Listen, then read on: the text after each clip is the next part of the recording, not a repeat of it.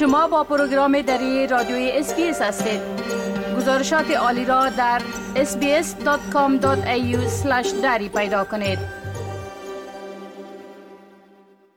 شنونده های عزیز امروز 25 ماه اپریل مطابق است بر روز انزک که در یاد بود از سربازان و نظامیان سابق و در حال خدمت و قدردانی از خدمات و قربانی های اونا در جنگ ها برگزار میشه.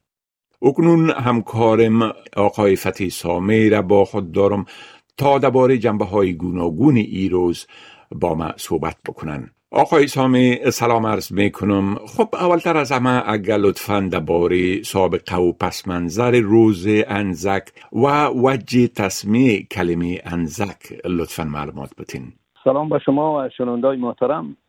انزک مخفف ارتش استرالیا و نیوزیلند است. و روز انزک بزرگداشت سالگرد فرود آمدن سربازان استرالیا و نیوزیلند در گلیپولیای ترکیه در 25 اپریل 1915 یعنی یک سال بعد از شروع جنگ جهانی اول است.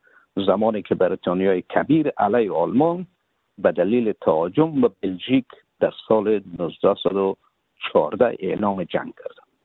استرالیا و نیوزیلند با عنوان قلمرو داخلی امپراتوری بریتانیا خود مکلف می که به طور خودکار در جنگ شرکت بکنند در سهرگاه 25 اپریل 1915 اولین سربازان استرالیا در حدود 70 هزار سرباز متفقین در گلیپولی فرود آمدن و هدف ای بود که به استانبول بروند ترکیه را از جنگ خارج کنند و بر روسیه در نبرد با آلمان تدارکات را فراهم بکنند.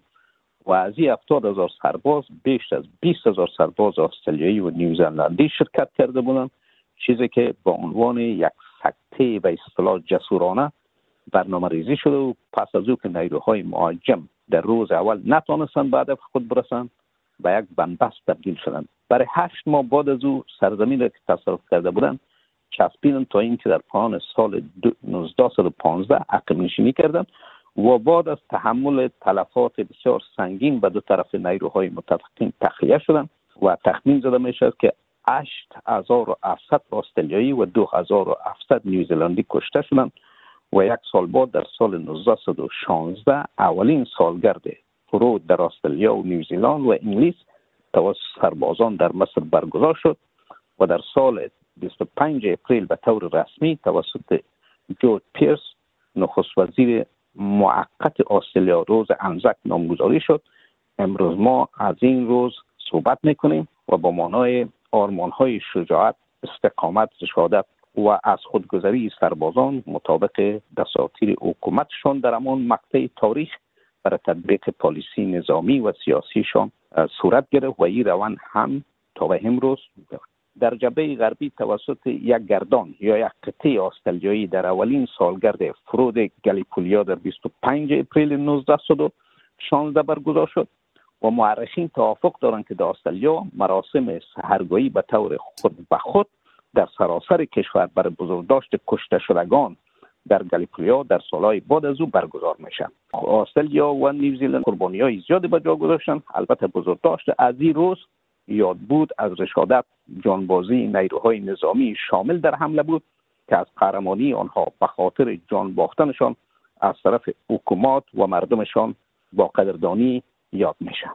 بله خب روز انزک برگزاریش که در آغاز چنانچه شما گفتین به خاطر قدردانی از قربانی های سربازان استرالیایی و نیوزیلندی آغاز شد. امروز ای مفهومی از این تغییر کرده و ای برگزاری صرف سربازان جنگ جهانی اول و یا قدردانی از اونها را در بر نمی‌گیره بلکه در ای روز از همه سربازهایی که در جنگ های دیگه هم تا حال شرکت کرده و کسانی که فعلا هم داخل خدمت هستند از اونها قدردانی میشه. بله؟ بله. همه است به خاطر ازی که هنزک یک روز برگزاری اما مربوط به امو یک مقطع خاص زمانی نمیشه بلکه همونطور که شما اشاره کردین تمام سربازانی که در جنگ اول در جنگ دوم در جنگ ویتنام کوریا شرق میانه افغانستان و سایر جاها شرکت کردن و عمیال هم داخل خدمت هستند در نقاط مختلف جهان از اینها قدردانی میشه. بله خب درباره انگیزه برگزاری ای روز چی گفته میشه و معرخان استرالیایی درباره اهمیت برگزاری ای روز چی میگن؟ طوری که اشاره شد روز اندک یکی از مهمترین مناسبت های ملی استرالیا و نیوزیلند است و با این مراسم و مانای هم, هم به طور چشمگیر تغییر کرده. به گفته دکتر مارتین کروتی معرخ دانشگاه کوینزلند مراسم بزرگداشت آمزک درست از سال 1916 یعنی زمانی که اولین راهپیمایی روز انزک در لندن و استرالیا برگزار شد آغاز شده مناسبت اهداف سیاسی بود که تلاش زیاد برای جلب افراد بیشتر برای ثبت نام در جنگ 1916 و 1918 بود در سال 1915 البته سربازان استرالیا طور که اشاره شد اینا تلفات بسیار زیاد دادن. اول اینا کوشش می‌کردن که در جنگ گلیپولی راه دریای سیاه برای نیروهای دریایی متفقین باز کنند هدفشان تصرف قسطنطنیه پایتخت امپراتوری عثمانی بود که متحد آلمان در جنگ بود. اما نیروهایی که در 25 اپریل در گلیپولی فرود آمدن با مقاومت شدید ارتش عثمانی البته به فرماندهی مصطفی کمال مواجه شدند که او را به نام اتاتورک میزجاب می‌کنن. و این کمپین هشت ماه دوام کرد. با تلف بعد از تلفات زیاد شکست خوردن.